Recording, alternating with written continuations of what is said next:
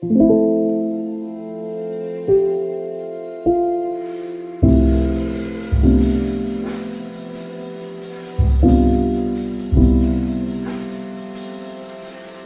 det att prata om allt? Är det till och med nödvändigt?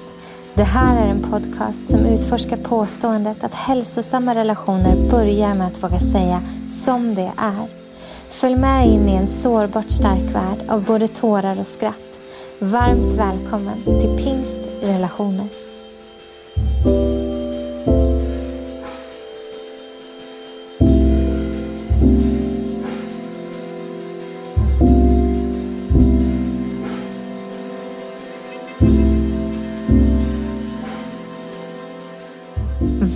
Välkomna till Pingstrelationer-podden. Jag är så superpirrig och lite nervös idag om jag ska vara ärlig. Magen är lite sådär bubblig och känslorna är lite överallt. Men jag är superglad att det får vara så. Att vi har en podcast där vi faktiskt kan få ha de känslorna också. För idag, kära lyssnare, så ska vi prata om porr, sårbarhet, sexualitet, behov som vi människor har. Idag ska vi verkligen göra det som jag har lovat sedan start. Jag har lovat er lyssnare att vi ska våga prata om det som är svårt, våga prata om det som känns omöjligt. Och jag kan inte tänka mig några bättre personer än dagens gäster från forumet Starta om att ta det här samtalet med. Därför att idag har podden nämligen två gäster som jag känner mig hedrad att få säga att jag har börjat få lära känna. Och när jag satt på tåget här på väg ner till Jönköping för att förbereda mig för det här mötet så började jag gråta när jag skrev den här inledningen för jag kände hur känslorna kom ikapp mig av hur vackert det har fått vara att möta er två. Och ni ska snart få presentera er, men jag vill säga lite saker först. Uh, för det är en riktigt häftig känsla när man jobbar med emotionell hälsa och mental hälsa och jobbar med själens processer, att möta likasinnade, att möta själsfränder som också bara går igång på de där formuleringarna om att människan är en helhet och det är uppbyggelse och det är se kärleken och se ljuset i allting och kalla fram guld i människor och inte bara fokusera på deras beteenden. Och det var en sån enorm upplevelse för mig när jag hörde er prata första gången och jag hörde hur ni satte ord på de här sakerna som jag också går runt och försöker sätta ord på och försöker hitta vägar fram till. Så jag känner mig så, så tacksam att ni vill vara med här i podden idag. För det är verkligen guld som jag har funnit i Johanna Lindhult och Christian Edlund. Ni är så, så, så varmt välkomna till podden. Mm. Ni ska få presentera er själva, berätta vad ni jobbar med, berätta om Starta Orm om. Men först vill jag säga så här.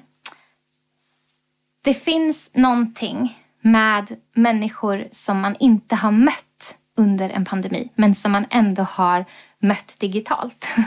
För vi lärde känna varandra mm. genom en skärm. Mm. Och det är lite som med flera av mina andra gäster i podden också att vi har klickat med varandra under pandemin digitalt och sen så möts vi första gången när vi ska spela in en podd fysiskt och det är jättefint att möta er fysiskt. Men jag tänker att det händer någonting när plötsligt allting stannar upp. Livet och världen och tajmingen och allting bara så här förändras. Och så har vi plötsligt utrymme för vissa relationer och vissa samtal och vissa dialoger. Och landet Sverige blev lite närmre och det gick att ta vissa samtal som vi annars kanske inte hade tid i våra agendor med. Så jag ser faktiskt det här som ett Guds timing, en Guds timing att det här mm. mötet sker just nu. Och eh, att, att få bygga den här relationen med er. Jag tänker att det har varit en sån förmån att få skratta med er bli berörd med er, mm. att få bli upprörd tillsammans med mm. er. Och jag vill att ni ska bara släppa axlarna och känna er bekväma i det här samtalet. För det är vad den här podden får vara också. Vi får skratta, vi får bli berörda och vi får bli upprörda tillsammans. För det är svåra frågor och det är stora frågor. Men känn er verkligen välkomna och känn er att jag ser er kompetens, jag ser er kunnighet och jag ser allt det som ni kan tillföra till lyssnarna med statistik och fakta och sånt här. Men bortom det och hellre än det, om jag ska vara ärlig, så vill jag ha era hjärtan idag. Jag vill mm. höra vad det är som driver er med de här frågorna, vad ni tänker mm. kring det, er, er sårbarhet, att ni söker vägar för upprättelse och sårbarhet och frihet för era medmänniskor. För det är det som jag beundrar med er. Så jag är hedrad att få ha er här. Hedrad till tårar Tack. på ett tåg i en, i en ansiktsmask och snoret rann och det var spännande. Så vilka är ni och vad är Starta om? Vill du börja Johanna? Ja det kan jag. Alltså, tack Kristin, Jätte, jättefint. Jag kan inte mer än hålla med dig, verkligen. Ja, mm, jag måste nästan ta ett djupt andetag. Gör det. Okej, bra. Mm, Man har bra. fått en sån liksom kärleksförklaring. Oh, bara ta emot. Jag f- övar mig på det hela tiden, att bara ta emot. Ja. Att inte alltid liksom skicka tillbaka och säga, jag menar ju detsamma verkligen av hela mitt hjärta. Men att ibland bara andas och ta emot det där. Så här, Så "Åh, viktigt. Tack. Tack för att du säger det. Mm. Bra.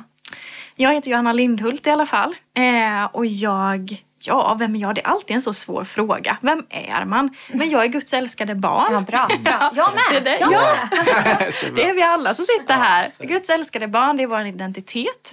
Eh, och sen så, jag är uppvuxen i kyrkan, eh, i en pingstkyrka i Bankeryd utanför eh, Jönköping. Eh, Sveriges Jerusalem som vi brukar kallas. Uppvuxen där.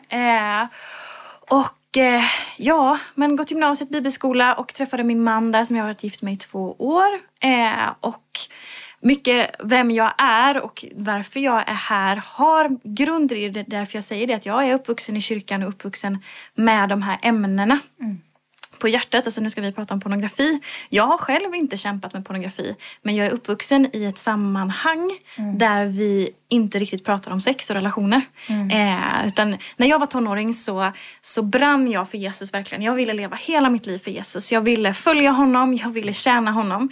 Jag läste ganska mycket bibel och längtade efter det. Eh, och sen så hade jag pojkvän ganska tidigt och jag ville verkligen liksom hedra mitt liv med det här. Eh, och så läste jag texten om äktenskap, om sex och relationer och jag fattade ingenting. alltså, jag, ska väl, jag bara, Bra. va? Ja, det- Bra att du säger Ja, jag fattar det. Obegripligt. Ja. Hur ska det här gå ihop? Ja men verkligen och också jag fick höra inputs också från mina kompisar och andra ställen också då att men det här är ju förlegat 2000 år sedan bibeln och jag bara okej men hur ska jag implementera det här i mitt liv och vi pratar inte om det här. Jag fick ingen undervisning, jag gick till min tonårsledare och han har jag pratat med sen och det är helt förlåtet, jag förstår honom till 100% Men jag gick och frågade honom om det här. Han var 19 år, hade aldrig haft en relation i hela sitt liv. Där kom jag, 14-15 år tjej. Han vågade inte ta i det ämnet med tång med mig Nej, liksom. nej. Han sa, ha, vad gör jag nu?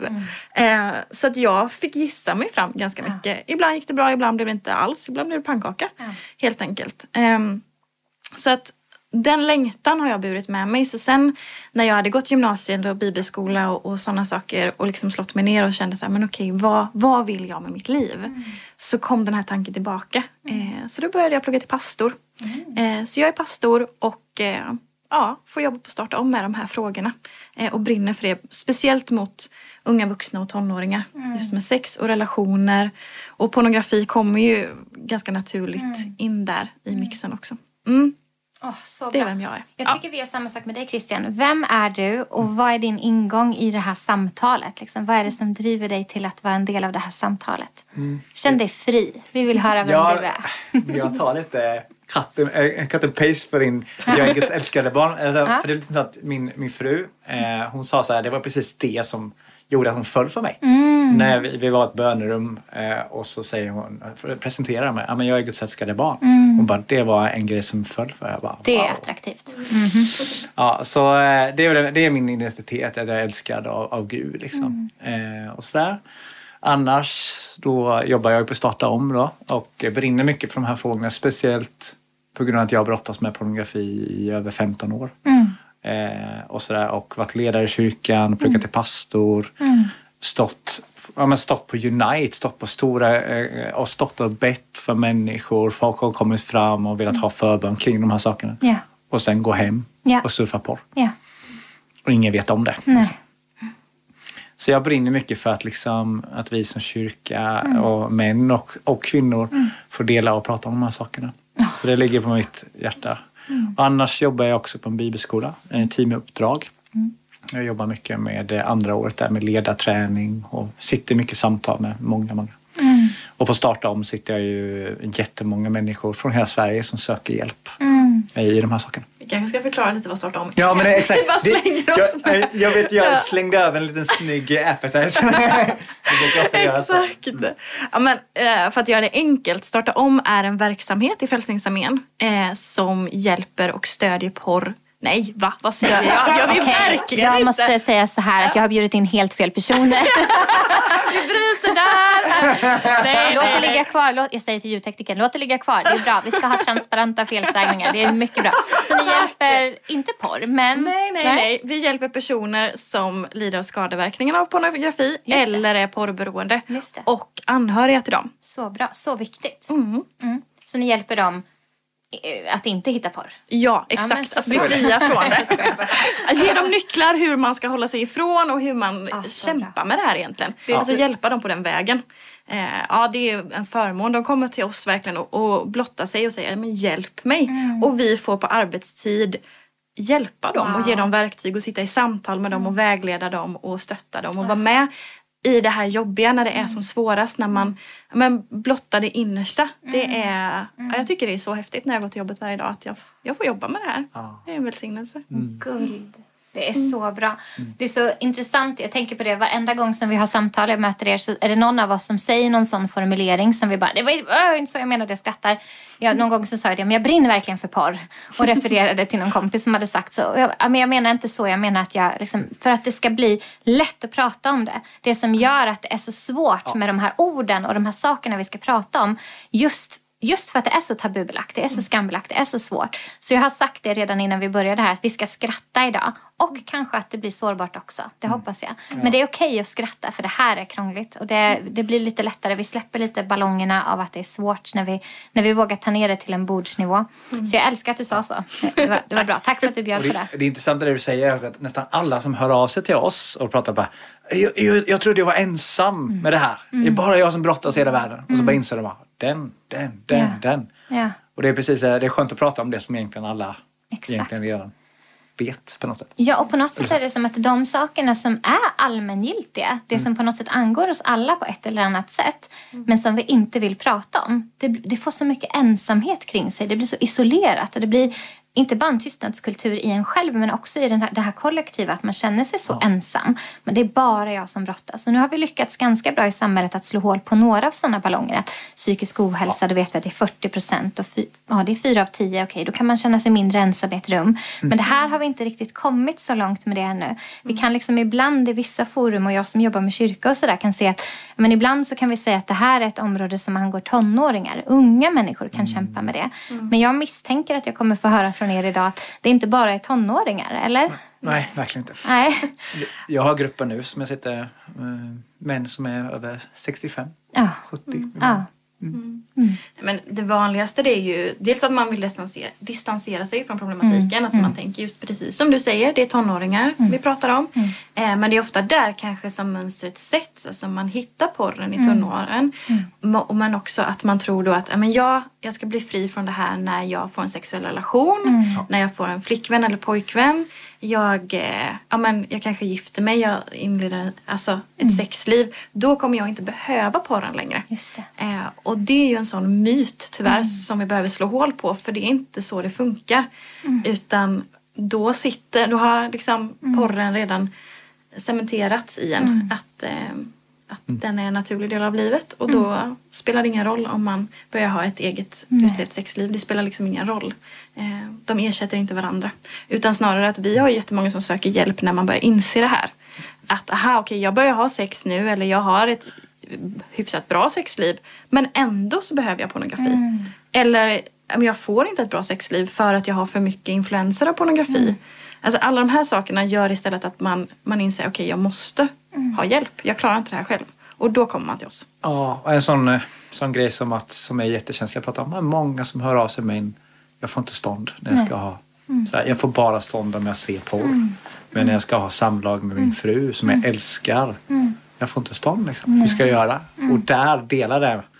Det är väldigt känsligt för många. Och det är, Och kan, Är det det? Mm. ja, och kan det ha någonting att göra med, jag tänker, när, båda de två exemplen, dels det du sa att man, man, eh, man, man gifter sig och man börjar ha ett sexliv men man ändå fortsätter med porren. Det Mm. säger ju till mig att det, det, det fyller inte det emotionella behovet. Det Mm. fyller liksom inte det här som man tror att det ska ge.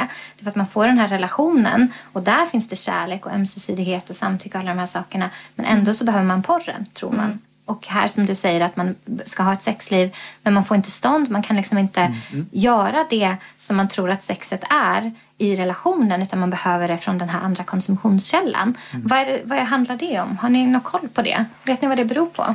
Ja, alltså det beror ju på hjärnans belöningssystem helt enkelt. Alltså om man ska lägga det på en ganska enkel nivå så kan man gör säga... det. Börja, börja enkelt. Ja, men det är bra. börjar Så jag kan haka på. Eh, ja, men när du börjar titta på porr så går ditt belöningssystem igång i hjärnan. Det liksom lyser upp i hela ditt, din hjärna. Så tjoff säger det. Eh, och det utsöndrar dopamin. Och det här händer när vi gör andra saker också. Inte bara när vi tittar på porr. Alltså saker som du upplever att du mår bra av. Eh, och som du tycker om att göra. Alltså exempelvis äta mat, äta godis. Träning. Träning, jättebra. Eh, men eh, vi är skapade för att det här belöningssystemet ska jobba tillsammans med våran kropp. Alltså exempelvis vi är ute och springer. Belöningssystemet går igång, dopamin flödar, du mår jättebra, du får mycket endorfiner, det hänger också ihop med det här. Ehm, men du jobbar tillsammans med din kropp så att dina muskler kommer inte orka efter ett tag. Du får mjölksyra, du slutar. Även om hjärnans belöningssystem säger fortsätt, fortsätt, fortsätt så kommer du att sluta. Eller jag äter mat, men jag blir mätt. Magsäcken skickar signaler till hjärnan. Nu måste du sluta äta annars spricker jag. Eh, liksom. Det är så det funkar. Eller socker likadant. Alla de här sakerna. Men så finns det ju saker där kroppen inte jobbar tillsammans med hjärnan. Exempelvis pornografi. Eller andra former av droger. Alltså, eller spelmissbruk. Eller saker som vi kan fastna i. För då finns det ingen biologisk funktion som säger stopp, stopp, stopp. Nu räcker det. Så att när belöningssystemet går igång, dopaminet flödar, så har vi mottagare runt om i hjärnan som tar emot det här. Eh, och de blir efter ett tag avtrubbade och säger att "Ja, men okej, för att få samma kick så måste jag ha mer. Jag måste ha mer av det du gav mig.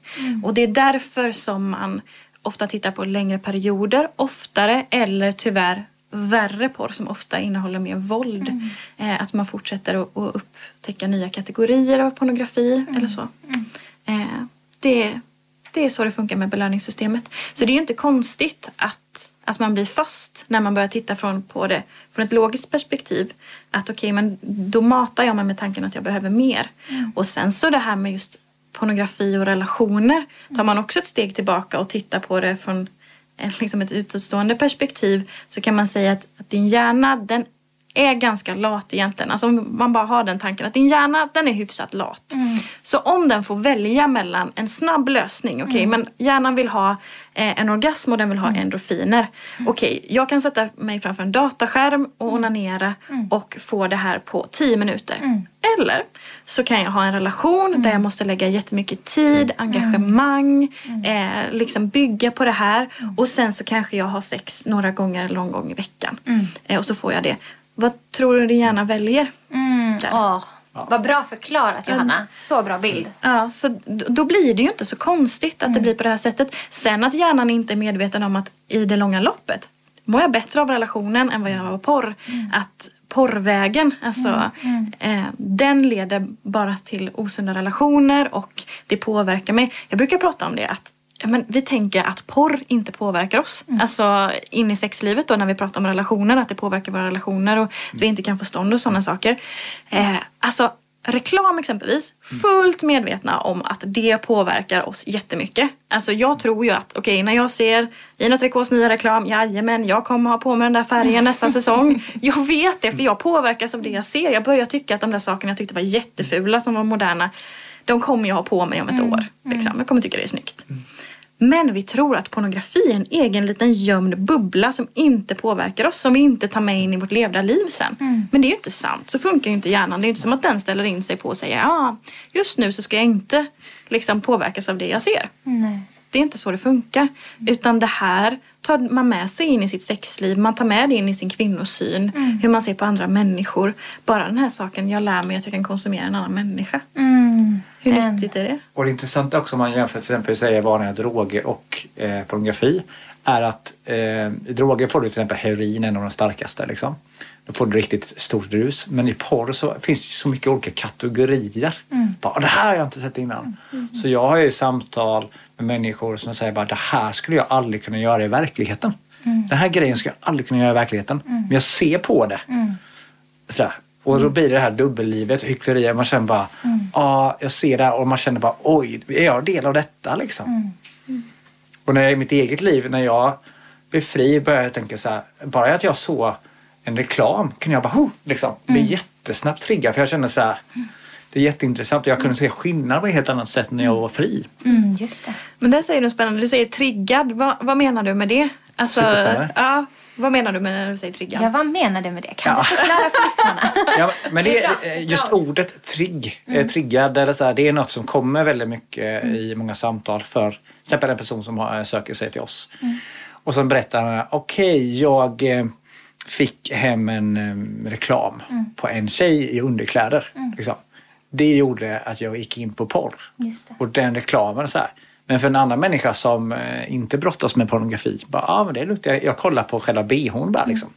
Men för den, är, den, det påminner om ett porrklipp eller påminner om vissa scener i din hjärna. Liksom. Och det är så vår hjärna funkar också med minnen och många saker. Liksom.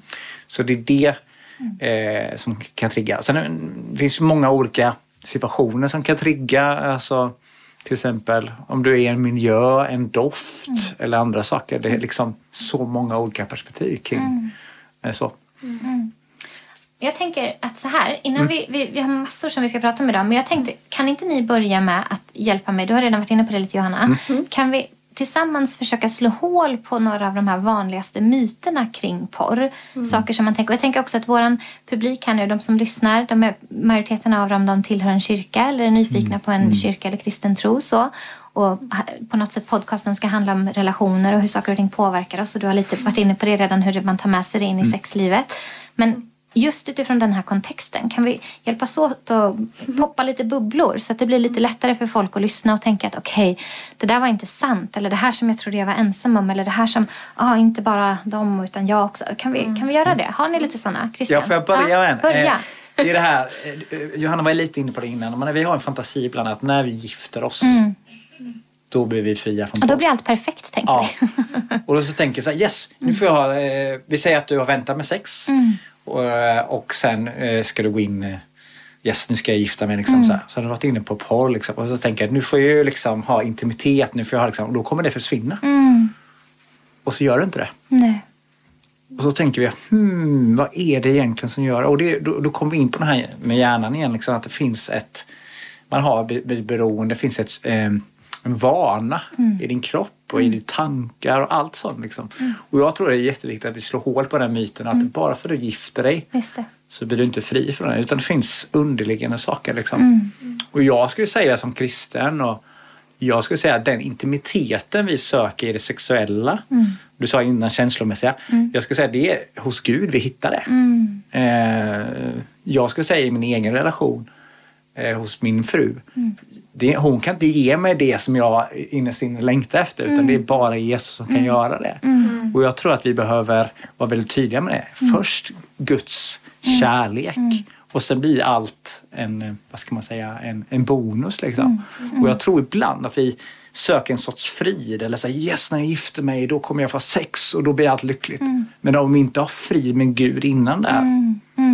Det bara, så så det jag, tror det. att, jag tror att man, det är lätt att söka en frid i att ha sex. Just och det. Då jag men då kommer allt bli bra. och Så. så det tror jag är en myt. Man Och kanske också om vi inte är sams med oss själva. Jag tänker det här med gudsbild och avbildsperspektivet. Att veta att vi är älskade. Och vara sams med oss själva och veta vad vi har i ryggsäcken. Vad vi har som är verktyg och vad som är stenar och bördor. Och det pratar vi om ganska mycket i podden. Vad är dina verktyg? Vad är dina bördor? Eh, att vara medveten om det. Att ha en självinsikt. Att förstå vad som driver mig. Förstå vad som är mina triggers. Vart har jag sår och sårbara punkter? Vart har jag erfarenheter som gör mig mer benägen att söka mig till det ena eller det andra? Att vara medveten om det. Att vara sams med sig själv på något sätt så att man vet att här, här behöver jag vara försiktig och här behöver jag ha gränser och alla de här bitarna tror jag också kan vara väldigt viktigt i det. Men det kommer ju ur en gudsbild som är sann och en självbild som är sann. Därför att tror vi inte om oss själva att vi är älskade, då ger vi ju inte oss själva kärlek heller. Nej. Tror vi inte att vi är skapade för kärlek så, så kommer vi inte ge kärlek till oss själva. Och det går absolut inte att tro att någon extern person ska kunna fylla de hålen. Det finns ju forskning som säger att barn har tio emotionella behov som de innan 12 års ålder behöver få fyllda av sina föräldrar för att utvecklas naturligt. Men blir man sen en vuxen person och det finns massa hål i det så är det så många som tänker att det är andra personer, det är min partner, det är min vän, det är min arbetsgivare, det är min chef som bekräftar mig som ska fylla det här. Det går inte. Ytterst sett måste det komma inifrån. Och inifrån i då sekulär forskning då har man sagt att det behöver komma från dig själv. Du behöver bekräfta dig själv, se dig, höra dig, ge dig utrymme. Och om man har de eh, kristna forskarna som har lagt till ett till på det säger att ja, men du kan bara bekräfta ditt eget värde om du vet att det är satt i Gud. Om du vet att ditt värde och din kärlek och din identitet kommer från att du är älskad av din pappa. Att du kan säga om dig själv, ja men vem är jag? Jag är en dotter till den högste kungen. Det är vad som är sant om mig. Och det kommer från Gud. Men jag på något sätt speglar det för mig själv och säger att det här är sant om mig själv och då kommer jag bete mig därefter. Om jag tror att det är sant om mig själv och jag kommer dra till mig och attrahera sånt som um, bevisar att det är sant på något sätt. Mm. Och jag tänker, det är lätt att, eh, exempel vi säger att man är i den situationen nu. Oh, jag har gift mig och jag är fortfarande fast och det man bara, ah, jag vill bli fri från det här. Då är det så lätt att känna sig dålig. Mm. Om man har bett till Gud och man så här, och jag tänker på det bibelordet står i Romarbrevet 2 och 4. Det är Guds godhet som leder till omvändelse. Kom igen. Eh, och jag tror att det är viktigt där liksom, så att vi, eh, ingen som jag pratar med blir förvandlad om jag kommer. Åh vad dålig du är, skärp dig nu, så jag tar dig i kragen. Äh, i kragen liksom. Men alltså, det är Guds godhet, Guds nåd som yeah. förvandlar dig. Så yes. Och det är så viktigt att vi pekar på det. Så att om du som lyssnar här bara, okej, okay, ja, det är jag. Jag, har, eh, jag surfar på jag är mm. gift, jag har barn. Mm. Men det finns en som vill förvandla det, det finns en som kan. Kom igen. Och det är det han vill peka på. Mm. Eh, Bra. Så. Bra. Vad finns det mer för myter? Alltså jag tänker på alltså vad, vad porr är. Jag tänker nu, nu körde vi på mm. stenhårt. Mm. mm. på. Lyssnarna bara, definitioner ja, precis, bara, vad är det? Eh, och det, det är ju något man väldigt lätt gör. När man känner väldigt mycket för en fråga så kör man i 10 000 och så tänker man inte på, på definitioner. Eh, och pornografi, alltså vad det är egentligen. Om vi tittar på, på grundordet mm. eh, och delar upp det så kommer det från grekiskan och det är porne och reservation för uttal, grafi, mm. alltså eller ja, grafaj, det beror lite på. Eh, ja, ungefär så eh, mm. uttalas det. Och porne, det betyder prostituerad. Mm. Eh, och grafi betyder, det finns inte så en klockren svensk översättning, men to showcase, alltså att rita, framställa någonting, mm. måla någonting, filma någonting, alltså visa fram någonting. Så pornografi säger egentligen om sig själv att den är ritad, målad, filmad, fotad, framställd prostitution. Wow, det har jag inte hört för. Men så, Oj. så är det. Och prostitution det är ju när man har sex för ersättning. Eh, och det är också sån här när vi tittar på Sveriges lag. Vi har ju faktiskt en, en sexköpslag i Sverige vilket är unikt mm. eh, och väldigt revolutionerande. Men där vi väldigt aktivt säger att sexköp det är inte okej. Okay. Det är verkligen inte okej. Okay. Eh, men om vi sätter en filmkamera i rummet och vi filmar det så parten som ska ta del av sexköpet eh, ska inte finnas på plats. Då finns det inte en lag i Sverige som säger någonting om det. Utan det kan fortgå och vi kan konsumera det hur mycket som helst. Eh, jag tycker att vi bara inte har kommit dit än. Mm. Alltså att vi, vi bör införa det även i våra lagar. Men eh, ja. Men du säger där konsumera. Mm. För att om, om det är eh, filmad eller fotad eller på något sätt porträtterad pornogra- prostitution mm. och så säger du konsumtion. Jag tänker mm. att pornografi har ju ibland porträtterats som att det är att konsumera en annans kropp mm. genom ett visuellt medel. Mm. Och det är ju jätteintressant att det är det som är ordets grundbetydelse. Mm. visste inte det. Mm. Vad bra. Då slog du hål på den myten för mig. Det var ju jättebra. Ja. ja. Men och det är sånt som när man väl kommer in på det och börjar tänka på vad det är vi faktiskt tittar på. Vad är det faktiskt som sker? Jo men det är ju prostitution jag tittar på. Mm. Men det råkar vara lagligt för att den som konsumerar eller den som ska ta del av sexköpet inte finns i rummet. Mm. Eh, men det gör ju inte att det är okej. Så det jag tittar på mm. är egentligen prostitution. Mm. Och det i sig då är så här, men människovärde, vad lär det mig när vi tittar på mm. konsumera exempelvis, bara det ordet, att jag tar del av någonting, jag konsumerar en annan människa. Mm. Alltså, om man tar ett steg tillbaka och tittar mm. på vad det är jag gör. Jo men jag, jag konsumerar en annan människa. Jag lär mig och vänjer min tanke vid att jag kan konsumera någon annan. Och då är det inte så konstigt. Alltså, jag tycker att när vi pratar om sexköp exempelvis och sådana saker så kan folk tycka, men vad då pornografi och sexköp det är ju två helt skilda världar. Mm. Men här behöver man ta ett steg tillbaka och så tittar man på definitionen så ser man, men jag lär ju mitt huvud, ja. min hjärna, mm. mina vanor att jag konsumerar en annan människa. Och sen så nästa steg då, ja men när jag liksom när jag vänjer mig vid det och blir lite trött på det och min dopaminnivå som vi pratade om säger till mig att jag behöver mer. Ja, men vad stoppar mig från att kanske gå in på ett chattrum istället? Det är inte så farligt. Jag börjar chatta istället. Typ. Jag får extra dopamin, det är lite spännande så. Det är faktiskt någon på andra sidan som svarar.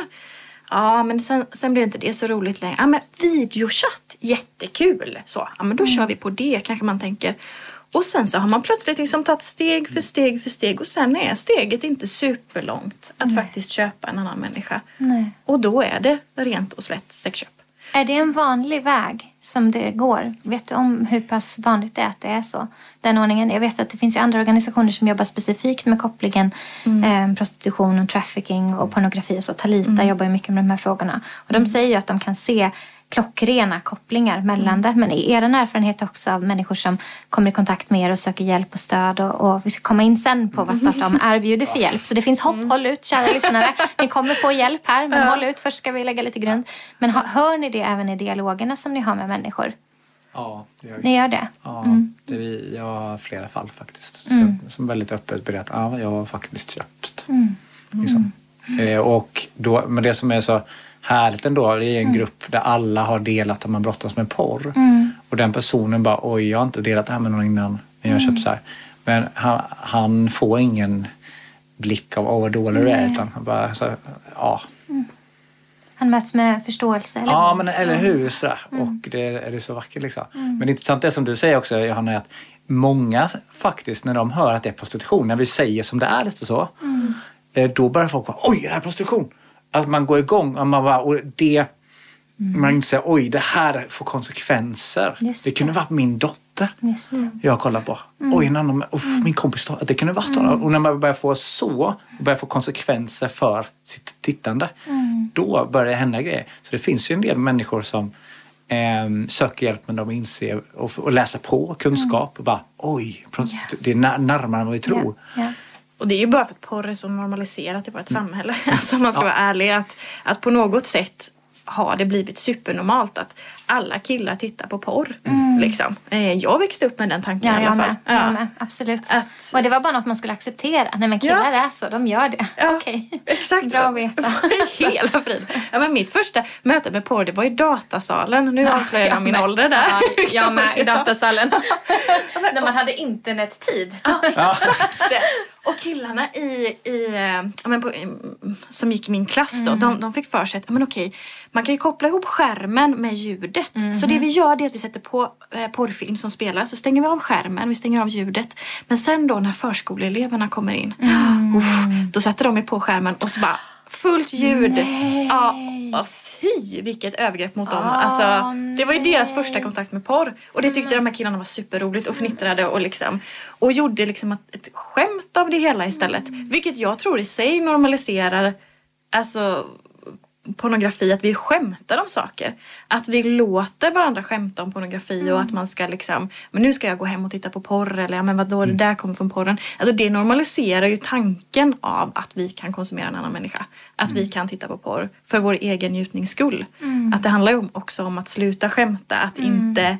Sen är det svårt då när man går i högstadiet att sätta ner foten där och säga men jag visste ju att det var något som skavde. Det kändes ju inte okej att det här hände eller att Nej. man skämtar om det här. Eller det kändes ju inte okej att alla killar ska eller får titta på porr. Nej. Men ändå så, så gjorde man inget åt det. Det tänker jag som vuxenvärld också. Att, att ja, men sluta skämta om det. Att sätta ner foten och bara, men det här är Verkligen. inte okej. Verkligen. Men då, då tänker jag, det finns väl en myt som vi snabbt kommer in på där, eller hur? Är det bara killar som tittar på porr? För vi växte upp med att veta att alla killar gör det. Du vill redan säga nej, du ska få säga nej snart. vi växte upp med att veta att alla killar tittar på porr. Och det gjorde någonting med våran bild av killar. I alla fall med min, kanske med din Ja, också. ja. Eh, och det gjorde antagligen någonting med självbilden hos väldigt många killar. Eh, Framförallt kanske de som inte hade konsumerat porr. Att bara, nej, men det här är ju det som killar gör. Jag tänker att det blir en grupptrycksmentalitet i det också. Men är det så, Christian? Är det bara killar? Nej. Nej. Det finns ju statistik på det också. I Uppsala universitet gjorde en sån. Du får rätt vad- Jag säger alltid fel där, men det är 54. Ja. Ja, 54 procent eh, av 16-åriga eh, tjejer hade gjort den här undersökningen. Och liksom. eh, har liksom aktivt sökt på porr. Liksom. Så det är många, många mer. Och jag skulle säga att de som brottas med största skammen är faktiskt unga tjejer som kanske växer upp i kyrkan där det är fel och du är tjej och så kanske du ser på porr där du vet att oj det här är tjejer som det våldför sig på jättehemskt och jag ser på det. Och då känner man sig ännu så det läggs en dubbel skam på unga tjejer skulle jag säga och vi pratar inte så mycket eftersom vi säger ofta att det är ett killproblem. Eh, och då, så, här, så det är supertufft ska jag säga. Vi har ju många anhöriga kvinnor som hör av sig till oss. Men några var några få då och då som hör av sig till oss som bara, jag brottas med porr, jag är ung tjej, växte upp i kyrkan, jag behöver hjälp. Men de har jag fått, alltså, mm.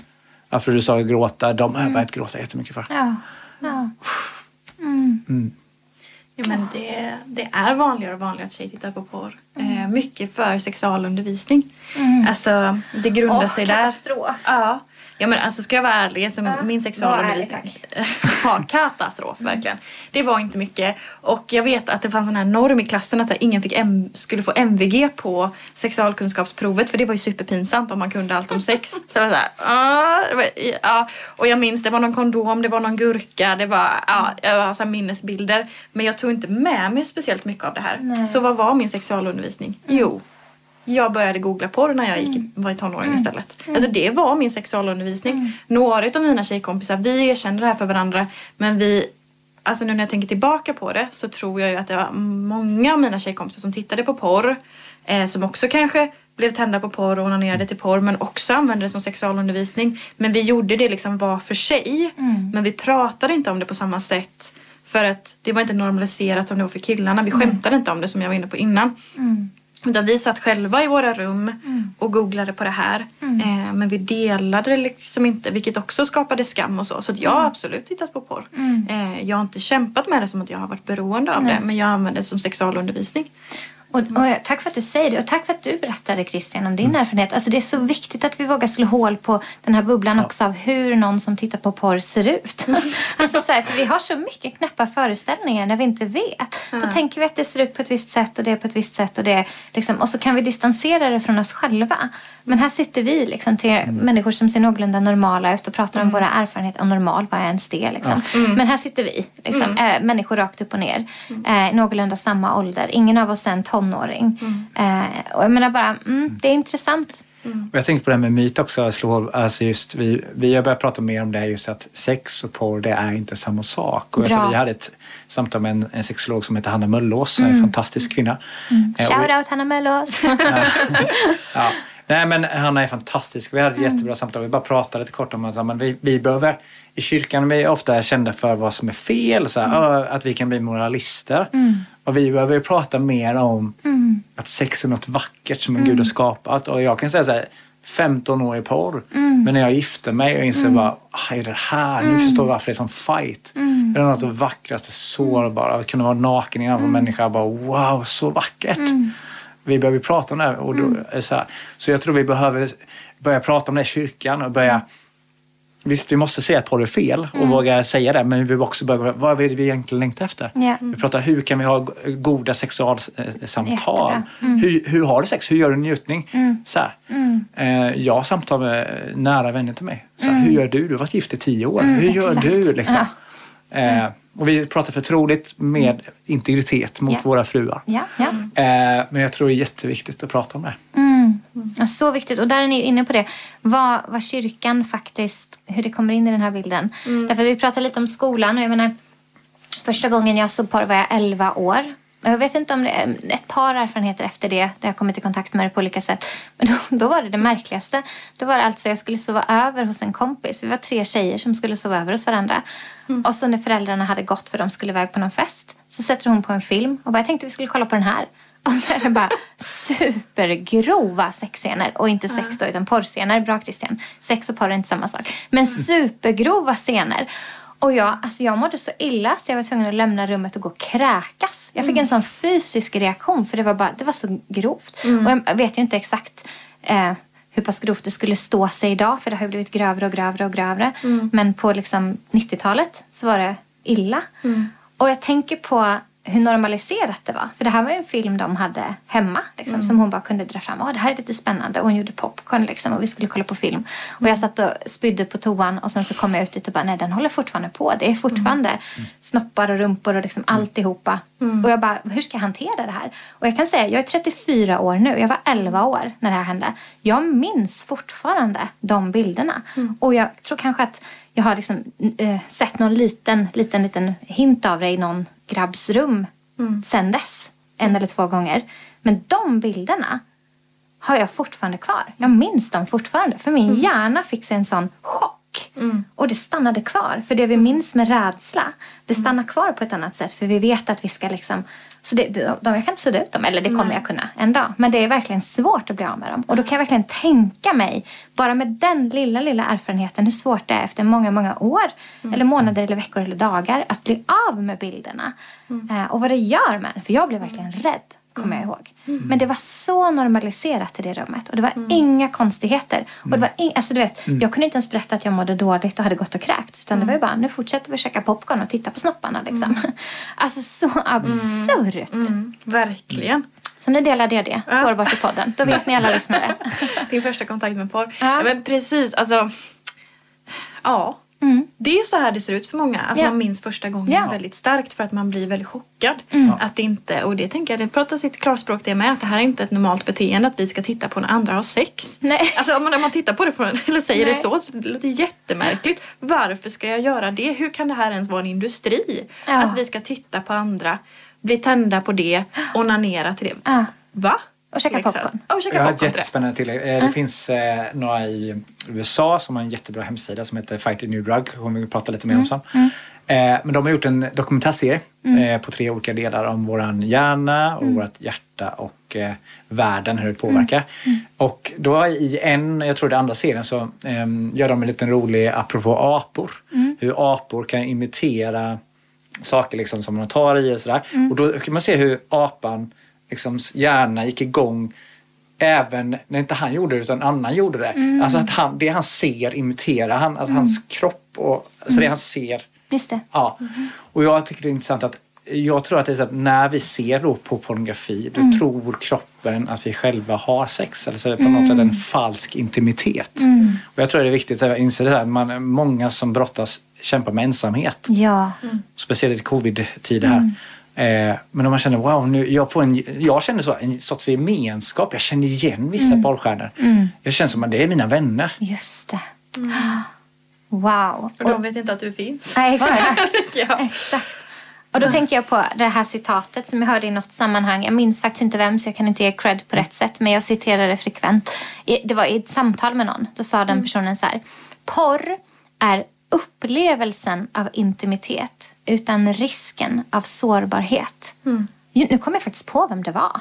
Vad intressant. Det var Paul Young. William Paul Young. Han som har skrivit The Shack. Ja. Vad intressant. Det var han som sa det. Det kom nu. Jag har jämt citerat och inte kommit ihåg.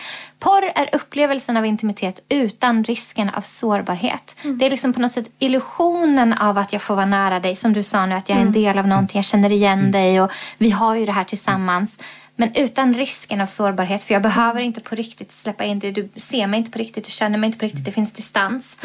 Eh, och jag tänker att det säger någonting om det som jag jättegärna vill att vi kommer in på lite nu. Nu har vi tagit några Ja. myter. Men det här med vad det egentligen är. Vad det egentligen är vi söker. Därför att det är ju inte som att man bara... Vissa, vissa upplevelser blir ju att man bara direkt blir beroende för att man får den här upplevelsen och dopaminet och alltihopa. Någon satte på porr i skolan och så var man hooked. Liksom. Så är det ju för vissa. Och för många andra är det inte det. Och för många andra som kanske kommer in i porren senare i livet så är det ju någonting man aktivt söker och försöker hitta där. Men som inte man kanske kan hitta där. Har, har ni den upplevelsen i era samtal när ni hjälper människor att ni till slut kommer till den här roten av vad var det egentligen? Ja, Ja. Det, och det säger ju både enskilda men också våra gruppsamtal. Att vi, en del av våra gruppsamtal, eh, den andra delen med männen då, pratar vi om skam. Eh, och ta från egen del, så när jag brottas med, med porr och en del av min egen frihet var just att när jag började inse vad är det jag egentligen söker. Just det. Och jag började inse skam. Och så började jag inse vad, vad är skam? Fråga en terapeut. Vad är skam egentligen? Hon bara, ja, det är ett annat ord för det, är självförakt. Bara, Aha! Det är att jag inte älskar mig själv. Och det du sa innan Ja, om barns ja, ja, hjärna, tid ja. behov. Det finns massa saker som jag inte älskat mig själv. Det finns massa. Det är många som inte kan säga vem är du? Nej. Men frågan. Alltså, och det är superintressant faktiskt. Att det, är, det är underliggande saker. Nästan alla vi möter brottas med skam. Och så börjar jag fråga så här, ah, okej men vad är de underliggande? Vad är det egentligen? Bara, det har jag aldrig tänkt på. Wow. Aldrig tänkt på. Wow. Oj. Och sen bara insåg det här börjar ju egentligen, jag har inte växt upp bara med mamma eller pappa. Jag har inte fått det här. Jag har inte hört att jag är älskad. Ja, så det finns så mycket grejer. Så det är de här, som du säger, det är väldigt mycket underliggande saker. Man söker efter porr, man får gemenskap. Sen bara, nej men jag söker egentligen efter nära relationer. Jag har inga vänner. Kanske har man haft erfarenheter där det inte var tryggt med nära relationer och intimitet och släppa in människor. Det är inte såklart allas historia, men ibland är det ju det. Och då är det här på något sätt ett substitut kan jag tänka mig att kunna hålla relationen på distans men ändå få någon slags illusion av att vi har en intimitet. Men man riskerar inte sitt hjärta på samma sätt. Jag, menar, jag, jag vet att när jag var ny som ungdomsledare och sådär när jag var ny i tron och så, så var det ju jättemånga, alltså jättemånga personer som ville prata sex med mig för jag kom från ett lite annat perspektiv än alla de som hade växt upp i kyrkan och fick be för människor. Och det kom fram, fram folk ganska ofta som ville be just kring det här med porr och porrmissbruk. Och jag vet vid något tillfälle när jag liksom satt där och på bänken och, och bara, jag kände sån ofrid över att be över att så här, vi ska bryta det här beteendet i Jesu namn. Även om det, det kan man göra och det finns ju absolut forum för det. Men det enda jag kunde höra inom mig när jag satt med en specifik person det var den här personen behöver bli kramad av Jesus just nu. Jag vet att jag delat det med er förut. Att den här personen behöver bli kramad av Jesus och veta att Jesus inte tycker att han är äcklig. Att han är um, ja, men smutsig och ful. Utan Jesus som är perfekt renhet och helhet vill komma nära honom i den här smörjan, i det här som är rörigt och stökigt och krama om honom. Och jag delade den bilden med den här personen. Och det var som att alltså, man kunde se hur någonting föll från axlarna. Och det var inte färdigt efter det kan jag säga. Det tog tid. Och det kanske också är en myt. Det går fort att bli hel. Nej, det, det gör det inte. Men någonting hände och någonting av det här värdet började byggas upp. Någonting av det här, jag är älskad, inte sen när mitt beteende är färdigt. Utan jag är älskad här medan jag fortfarande har det här beteendet. För det finns någon som ser de bakomliggande drivkrafterna, anledningarna och mitt hjärtas längtan. Så att jag, efter det mötet var jag så här, okej, okay, men jag, jag ska bara bjuda in Jesus till det här hela tiden. Och han vet vad han behöver göra. Liksom, Han vet vad han behöver säga till de här personerna. Och att validera och möta det verkliga behovet. Därför att jag tänker att när vi bjuder in Jesus i det, vi inte blir chockade och vi inte reagerar så som personen känner om sig själv. Liksom att så här, okay, ja, men då måste vi verkligen bryta att du, be att du, vi ska bryta att du ska sluta runka där framför porren för det, det är så smutsigt och fult och hemskt. Och där, jag förstår att du vill bli av med det här beteendet för det är så hemskt och illa. Och nu ber vi Jesus, kom igen snälla, snälla Jesus, hjälp, hjälp, hjälp. hjälp. Nej, jag tror att det bara ökar och spär på och, och stigmatiserar och gör det till någonting oöverkomligt som vi är totalt ensamma i, som vi inte kan ta oss ur. Om vi istället bara det låter som att det är jättetungt. Mm. Och jag är så ledsen att ditt hjärta lider. Mm. Ska vi bjuda in Jesus till den platsen där det gör ont? Mm. Jag vet inte. Vad tänker ni om det? Jag tänker på det ordet, den son är fri, verkligen fri och sanningen ska göra oss fria. Och det är något som vi kan faktiskt prata med alla som vi möter, oavsett om man tror på Gud eller inte, så börjar vi prata om sanning. Mm. För de, bara, de, kan, de kan känna igen sig i lugn. Mm. Då säger jag, men vad är, det, vad är det för sanning du söker? Vad är det egentligen längtar? Vad är det du behöver höra? Liksom? Mm. Och där har vi just Jesus, liksom, han är själv sanningen. Liksom. Mm. Och det är det, som jag, det är det som vi kan försöka peka på Mm. hela tiden. Så vad är det du egentligen behöver höra? Mm. Och varje människa är unik. Så många kommer i det här bara, ah, men hur blir jag fri från porr? Mm. Ställer jättemånga. Bara, vilket filter ska jag ha? Vad ska jag ha för metod? Mm. Så här, du är en unik människa. Vissa personer kanske får säga, du kanske behöver bara ut och springa. Mm. Eller ta hand om din kropp. Du är en helhet. Eh, Medan andra kanske har gått igenom ett djupt trauma som behöver en eh, eh, professionell hjälp. Mm. Och det är från person till person. Men jag tror något som vi alla kan relatera som Jesus kan, det är att när han säger så här, det här är sanningen med dig. Just det. Du har aldrig fått höra du är älskad. Det här är sanningen, du är älskad. Eh, Du är inte ensam. Du har liksom, jag har dött för dig och gjort det här. Och jag tror att vi som kyrka, eh, det var en organisation som sa det till oss. Så här, ni har en unik, det som skedde på 1900-talet i början där Sverige söp ner sig. Ni har en chans igen att vi som kyrka kan komma med Jesus och förvandla Wow. en hel generation. Wow. Bra. Ja. Så det vill jag trycka på, att vi har Jesus. Det är alltså en stor, eh, så här, stor avgörande sak faktiskt, som urskiljer mot andra. När ni, när ni tar emot samtalen, hur har det sett ut nu under covid? Och finns det någonting ni kan dela kring hur det ser ut alltså med människor som eh, kristna som hör av sig? Liksom? Har de också problem med porr? Eller är det här ett de-problem eller är ett vi-problem? Är det här bara de där ute som kämpar eller finns det i kyrkan? Men jag skrattar för att... För att det är kul. ja, för att det är jätteroligt. Nej, för att eh, det är nästan... Alltså, det är lika illa i kyrkan om inte ännu värre. Mm. Alltså vi gömmer det ännu mer och kan på något sätt bättre i kyrkan. Eh, för att vi vill inte visa oss sårbara. Vi, vi har en liksom kultur av att man vill visa sig duktig och hela den här grejen liksom. Eh, och, och det skälper oss när det gäller det här. Eh, att vi, vi gräver ner det här ännu djupare när det gäller ledare i kyrkan. Men inte kan jag kämpa med de här sakerna. Och så ligger det så nära det sexuella och då blir det ytterligare skam. Liksom, för att "Ja, men det här vågar inte jag ta upp och, och prata om eller säga att jag kämpar med eller har kämpat med. För att, äh, vad ska de tycka om mig? Äh, men jag, jag gräver ner det ännu djupare. Så att vi ser ju definitivt att de som söker som är kristna, för vi har ungefär hälften hälften kan man säga, som är kristna och som inte är troende, eh, som söker sig till oss. Så vi hjälper alla och stödjer alla. Eh, men att de har ju mycket mer skam, eh, mycket mer ja, skam och sårbarhet som de behöver jobba med. Varför är det så? För det här återkommer hela tiden till mig och jag blir så arg och provocerad. Varför har vi så problem med sårbarhet i kyrkan? Jag, kan, jag, kan inte, liksom- jag har inte kunnat sätta ord på det. Jag har satt massa ord på det men ingen av dem känns som den. Kan ni hjälpa mig? Har ni några tankar? Jag ska läsa en sak för er så får ni tänka under tiden. I en, en, eh, en definition av sårbarhet har det förklarats som att man har en särskild känslighet eller utsatthet för yttre påverkan. Och det finns olika sorters sårbarhet. Emotionell, biologisk, genetisk, kognitiv, språklig och det som kallas stresssårbarhetsmodellen. Och i en annan definition säger man att sårbarhet är att ha en öm punkt som gör helheten sårbar. Och jag brukar definiera det här som sårbarhet är att eh, Alltså när vi väljer sårbarhet i en relation till andra. Det är att våga låta sig bli sedd på riktigt. Att göra det möjligt för mig att bli påverkad av andra. Att våga släppa in varandra i det som är ofärdigt och fortfarande gör ont. Eller att släppa in någon i det som vi kämpar med just nu.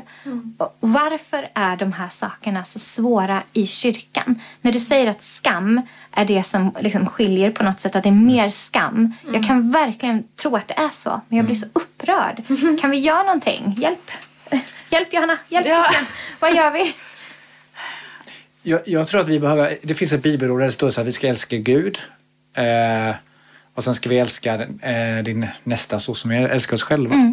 Eh, men för mig, för mig var det så att jag älskar inte mig själv. Och jag tror en nyckel är att när vi börjar lära oss älska oss själva med Kristi kärlek, alltså identitetsfrågan kommer tillbaka. Vet du vem du är? Och när jag gick till psykolog, och det här är bearbetat så jag kan dela, eh, då började jag vara helt ärlig med henne och säga så här är det. Eh, Men det var något som, som lossnade för mig när jag vågade dela så som det verkligen var. Och då, när jag visste att jag är älskad och accepterad i Kristus, då började jag vilja ha sanningen. Jag blev sanningssökare. Och jag tror att när Jesus var fylld av nåd och sanning, ni kan balansera dem i kyrkan. Men att vi börjar med nåden. Mm, bra. För när du vet att du är älskad, då vill du ha sanningen. Just det. För då vet du att Gud är god. Och jag tror att vi behöver poängtera att Gud är en god pappa. Och eh, bara ta en snabb. I, i, I USA så har de gjort en undersökning i en, en församling och eh, tog in massa från olika sammanhang. Så vad är, grund, vad är det ni kämpar med? Nästan alla eh, sjukvård och olika sa samma sak. Vi har inga pappor. Nej. Fäderna saknas. Ja, 100 procent. Mm. Mm. Så jag tror att eh, vi som kyrka behöver smaka Faderns acceptans och kärlek och veta att vi är älskade. Då kommer du vilja vara sårbar. Eller det, det är ett Det är perspektiv. jättebra. Ja. Det är jättebra. Jag andades och pausade, inte för att säga något annat utan bara Nej, men, det är så bra. men jag det är spännande perspektiv. Jag vet inte om du tänk, vad du tänkte Så göra. bra. Ja, alltså... Ja, men jag- jag håller med dig. Viss, alltså, jag sitter bara med en tanke. Nu, nu går jag ifrån Johanna som jobbar på Starta om och så går vi in i min privata här. Mm, alltså bra. Ärligheten. Att ja, men jag tänker så här att vi, vi är väldigt duktiga i kyrkan. Mm. Hela duktiga flicka-syndromet som man brukar prata om. Det, det, liksom, det bara finns i hela frikyrkan att vi ska se så duktiga ut hela tiden framför varandra. Mm. Men grejen är ju att precis som du är inne på, har man inte smakat sanningen, alltså grunden som du ska stå på, Mm. som gör att du vill bli mer lik Jesus, Mm. som gör att du vill bli, inom citationstecken, duktigare. Alltså, den längtan, när jag förstår mitt värde så vill jag bli, eh, komma närmare honom. När jag umgås med någon så blir jag mer lik den. Jag blir mer lik Jesus. Eh, och jag vill börja leva som honom. Men grejen är ju att, för att vara helt ärlig, det där går ju att fejka. Alltså, det går det. Eh, ja. Ja. Du bara skippar hela grunden och så bygger du på duktigheten. Och när någon kommer fram med en nål och slår hål på den där ballongen eh, och säger att "Ja, men du har inte förstått grunden. Du är bara duktig för att alla andra ska visa sig duktig. Eh, vi har, men jag, jag kan få sån sorg när jag tittar på kyrkkaffe ibland. Alltså jag åker runt i en del församlingar. Eh, att det är så mycket trevligt hela tiden. Oj vad trevliga vi är. Och vi håller med varandra och vi pratar om det är inget fel i det i sig att prata om, om rabatter och vad vi ska ha för blommor och hur vi ska måla om huset. Det är absolut inget fel men när det stannar där hela tiden. Alltså vi, vi pratar ytligt med varandra, vi släpper inte in. Så vi går alla runt som trasiga människor. Ja. Men vi sätter på det här skalet. Eh, vi ska vara duktiga och det går att fejka alltihopa. Eh, och att det är där på något sätt det faller. Och, och då kan vi gömma undan porrberoende. Vi kan ja, det är väldigt lätt Ja. att gömma saker. Ja, men- Absolut. Verkligen, och det kan ju alla göra. Så pastoren kan sitta hemma och titta på porr eller ha ett jättedåligt sexliv. Eller utifrån från, eh, ett kvinnligt perspektiv då också att, att vi blir inte lärda att våran sexualitet är viktig utan snarare att min erfarenhet är att vi ska trycka ner den i skorna tills dagen. Tills bröllopsnatten. Ja, exakt. Men då ska det vara väldigt bra, har jag också hört. Då ska du vända som på en handvändning. Ja. Tjoff ska det säga. Så ska du älska sex. Ja. Och du ska vara så duktig på det. Ja, duktig ska du vara på Ja, det. Ja, och det ska vara väldigt bra och gå Ja, väldigt lätt. precis. Tre orgasmer All- på bröllopsnatten. Ja men exakt, både för henne och för honom. Garanterat, ja, minst. ja, ja. Ja, ja. Sen kommer folk kommer fråga, hur gick det i bröllopsnatten? Ja. Då ska det stå där. Ja, absolut, Exakt. det var det sjukaste när vi kom hem från smekmånaden och folk bokstavligen tittade på oss annorlunda och var såhär... Ja. Ja. Och man bara... "Så, nej." Och sen så är sanningen då, och då vill du ju visa fram, ja men det var jättebra, le lite För sådär. vad ska man säga då? Ja. Nej, vi kunde inte kommunicera Ja. och vi missförstod varandra och Ja. eh, nej, Eller det var inte, fick- vi ville inte ha sex. inte fick utlösning. Nej, vi fick, Ja. absolut, eller hur? Ja. Eller vi, vi blev så osams för någonting helt annat så vi kunde inte ens. Nej, vi har inte haft sex ännu. Eller det gjorde skitont. Ja. Eller, alltså vadå? Ja. Ska man säga det då på kyrkkaffet? Ja men Så sätter vi kaffet i verkligen. halsen och så vill vi aldrig mer prata. Nej, exakt va. Den här personen vågar vara ärlig, det är skitläskigt. Eh, ja, men alltså, ah, menar, att leva öppet och ärligt på riktigt. Och jag tror det handlar ju bara om att någon måste börja. Någon måste våga börja säga det där så att vi sätter kaffet i, i halsen och sen så har vi ändrat kulturen. För det handlar ju om att vi har en kultur där det går att fejka det här. Och att vi inte är öppna och ärliga. Och också just den här, vad ska man säga, ehm, att inte vara det med allt och alla. För det kan ju också gå överstyr. Alltså det här att någon ställer sig upp och säger "Ja, jag har kämpat med det här och det här och det här. Och, det här. Eh, och så lägger man sin problematik när man inte har jobbat med den på allt och alla. Och så känner alla att det blir jättetungt. Eh, alltså, och det är väl där man inte riktigt har, har hittat balansen. Och det kan jag känna själv också. Inte riktigt har hittat den balansen. Vem och vilka kan jag dela till? Jag funderar på hemgrupp. Är det liksom, ja det är ett bra forum eh, att bygga tillit där. Men samtidigt, hur ändrar vi den här kulturen så vi börjar leva öppet och ärligt? Så att vi hittar de här sanningarna. Vad skönt bara känns att sätta ord på det här. Så bra Johanna, jag ser du bara lyser just nu. bara, "Åh, Och jag kan skönt." säga till er att vi, om fem minuter ska vi avsluta för då har vi kört som bara den. Och jag vill säga, jag har inte frågat er innan så nu blir det svårt för er att ge negativ respons på det här när det är live i podden. Liksom. Men jag känner att jag vill bjuda in er till ett till samtal där vi bara pratar om den delen. Sund sexualitet och hur kyrkan kan börja tackla det. Skulle ni vilja vara med i ett sånt Ja. samtal? Jättegärna. För nu har vi liksom börjat öppna en dörr och vi behöver gå till avrundning och jag vill att ni ska dela kring resurser, vilken hjälp man kan få av Starta om. Och så vill jag faktiskt att vi ska be för våra lyssnare. Så vi ska gå mot avrundning fem minuter till ungefär. Och sen så bjuder jag här öppet inför alla in er till att komma tillbaka och ha ett avsnitt om sexualitet och hur kyrkan kan ha ett konstruktivt, uppbyggligt, ärligt ärligt, transparent, sårbart, svårt och fantastiskt livgivande samtal om de här bitarna. Vill ni det? Ja. Jättegärna. Ja, vad roligt! Okej, vilka, vilken hjälp finns det att få? Vad gör Starta om? Och hjälp oss, liksom. Hur kommer Ja. vi vidare? Jag kör på. Eh, det, nej, men exempel, om man söker till exempel porrberoende på Google. Eh, exempel, då hittar man oss längst upp. Och det är ju fantastiskt. Och så kommer man in på vår hemsida och så bara oj det här brottas jag med. Och så kan man faktiskt klicka in på kontakt och så bara här, för det kommer upp så här, söker du hjälp? Och så kan man mejla oss kontaktat startaom.se. Så eh, kollar jag och Johanna väldigt ofta mejlen. Eh, och Johanna pratar med kvinnorna som söker hjälp. Eh, oftast anhöriga men också folk som brottas. Och jag eh, söker med, pratar med männen. Och det jag gör ofta är att jag eh, som man då, tar ett samtal, första samtal. Och sen börjar vi prata om hur, hur kan vi hjälpa dig? Vad behöver du för hjälp? Eftersom varje människa är unik. Bra. Och så eh, ha, jobbar vi med två saker oftast. Enskilda samtal. Man får prata med en person med tystnadsplikt som har skrivit på Frälsningsarméns tystnadsplikt. Eh, och ha samtal, kanske varannan vecka. Eh, och ibland var tredje. Men sen finns det också något som vi kallar onlinegrupper som är mycket inspirerat från eh, tolvstegsmodellen men som är lite, kanske lite friare utifrån gruppen. Där man eh, under tio veckor möts varannan vecka eh, och pratar om skam och pratar om eh, relationer, sex och relationer och sådana saker. Då. Så det är väldigt, väldigt konkret hur vi jobbar både med, med de som kämpar och sen också anhöriga. Det funkar det ju eh, likadant. Alltså man får ett eh, första samtal kallar vi det. Eh, man får ett telefonsamtal med mig eller med Christian beroende om man, man är, eller kvinna. Och sen får man då erbjudandet om antingen enskilda samtal eller onlinegrupp. Även när det gäller att man är anhörig. Och det här låter ju så bra. Det måste ju vara snordyrt. Hur ska våra lyssnare ha råd med det här? Det är gratis. Vad sa du? Ja, det är gratis. Det är gratis. Det är Men säg det en gång till. Hur det dyrt är är det? gratis. Det är Ja, helt gratis. ja. Alltså Eh, och vilken gåva. Ja. Det är helt otroligt. Och det här är ju lite, alltså när jag möter personer så kan man bli så ja ah, vad läskigt, nu ska jag liksom ta, ta första steget här. Men att prata om någonting, att sätta ord på det där, det är det som som hjälper. Alltså på riktigt, det är verkligen det. Ja, det är att, att våga ta det steget. Jag vet det är jätteläskigt. Men när du har gjort det, när du har satt ord på det så förlorar förlorar det liksom udden av det. Det där som kändes sådär jobbigt, det, det pyser ut som ballongen var jättestor men, men vi, det släpper det här trycket. Jag lovar, det gör det. Så att få sätta ord på det, få träffa människor som brottas med samma sak och något accountability, alltså Ja. att ha någon som du står till svars Ja, för. ja, det är. A och O när det gäller beroende. För man vill kämpa själv, jag vet det. Man vill kämpa själv, man vill klara av det här. Man vill inte visa sig sårbar för då, alltså man kan bli avvisad. Det finns väldigt mycket eh, läskigt i det.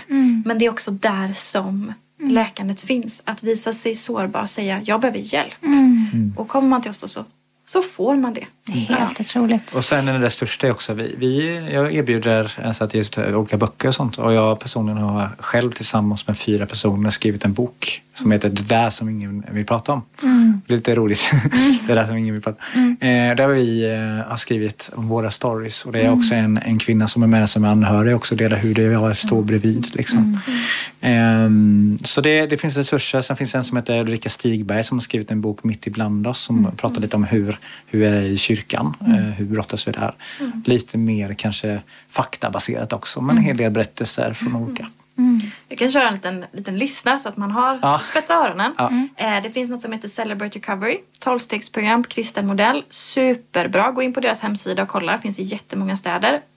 Ja, bara helt googla. De är det. grymma, vi samarbetar jättemycket. Ja.